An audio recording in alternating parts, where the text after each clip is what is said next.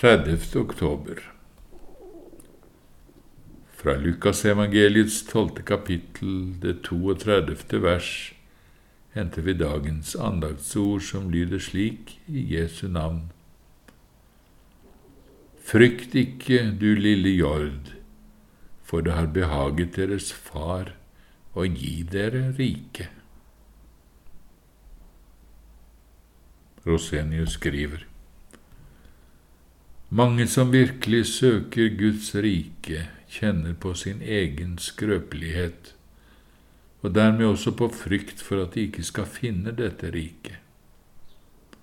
Men da er det en veldig trøst hvis de bare kan våkne opp for budskapet i et ord som dette fra Herren.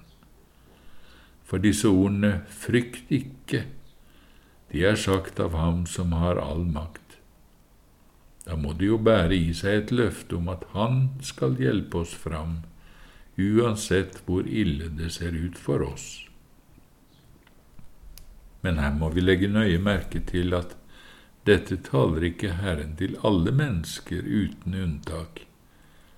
Han sier ikke at ingen mennesker behøver frykte. Nei, han sier uttrykkelig hvem det er som skal få ha denne trøsten.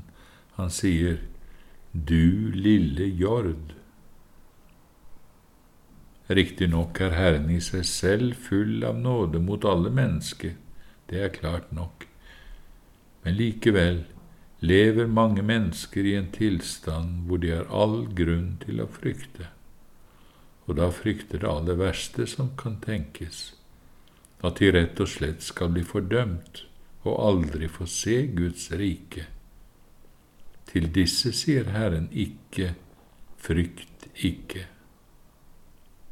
Men skillet går alltid i det enkelte menneskes sjelstilstand, og vi må aldri glemme at så lenge det ennå heter i dag, kan fremdeles alt bli rettet opp, bare vi vil høre Herrens røst.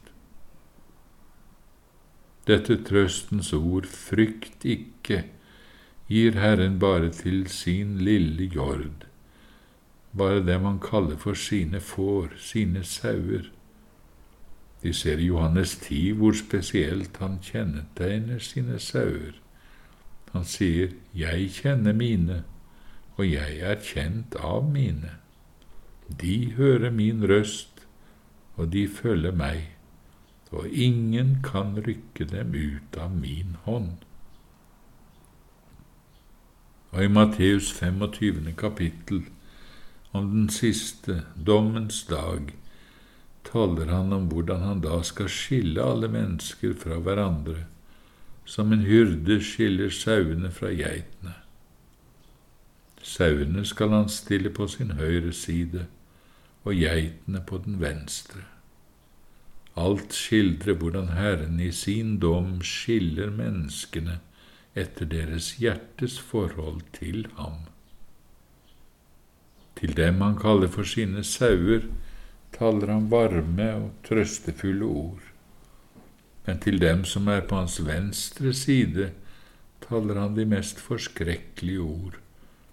Gå bort fra meg, dere som er forbannet, til den evige ild som er gjort ferdig for djevelen og hans engler.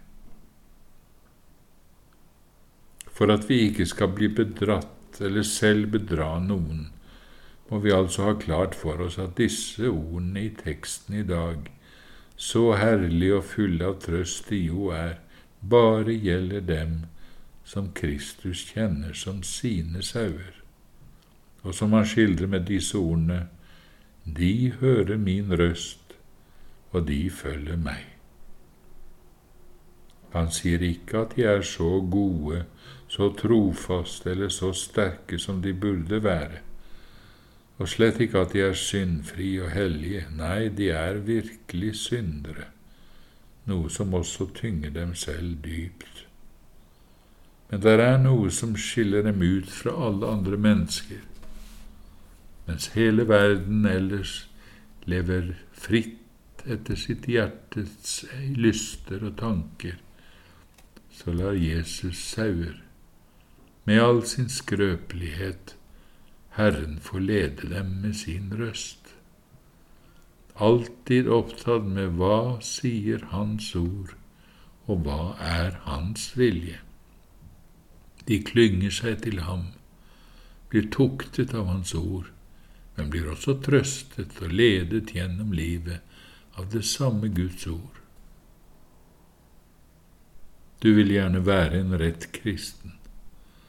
Du kan ikke unnvære din frelser og hans evangelium, men du sukker under så mye synd, og du frykter for at du aldri skal få se Guds rike, så du ofte holder på å gi opp. Men Guds underlige nåde har likevel gjort at du ennå alltid klynger deg til din frelser.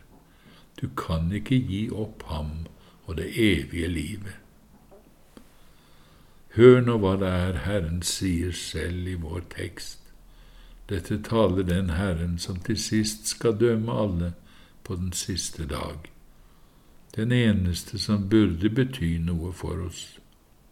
Hvem skulle jeg tro mer enn Herren selv? Og han er det som altså nå sier her, Frykt ikke, du lille hjelpeløse jord for det har behaget deres far å gi dere rike. Hør denne veldige grunn for vår trøst. Det har behaget deres far. Her ser vi igjen hvordan vår trøst og vårt håp bygges utelukkende på den guddommelige majestets egen velbehagelige vilje og frie gave. Tro da for visst og sikkert at dette også er den eneste rette grunnen. Når du da altså bare er en av sauene i hans lille hjelpeløse jord, så gir han deg rike. Dette var Faderens frie og velbehagelige vilje, for han har selv tatt oss til sine gjennom Jesus Kristus, etter sin viljes gode behag.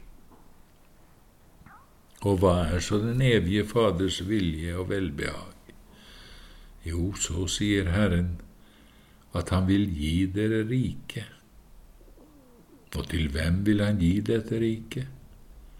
Til dere som er en hjelpeløs jord, fulle av mangler på tro og lydighet, på mot og forstand.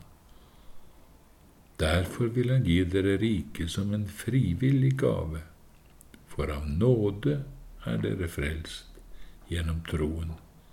Det er ikke av dere selv, det er Guds gave. Det er en gave, ikke gjennom gjerninger, for at ikke noen skal rose seg. Men akkurat derfor er det han gir det til dem som er en hjelpeløs jord, ikke til de sterke og modige selv om nok disse når det gjelder gjerninger, har mindre å angre og gråte over enn de førstnevnte. For er det av nåde, da er det ikke lenger av gjerninger, ellers blir nåden ikke lenger nåde. Vi er alle mennesker syndere, og så er det altså Herrens velbehagelige vilje å gi riket til dem som kjenner sin synd som bare søker nåde og bare vil leve i tro.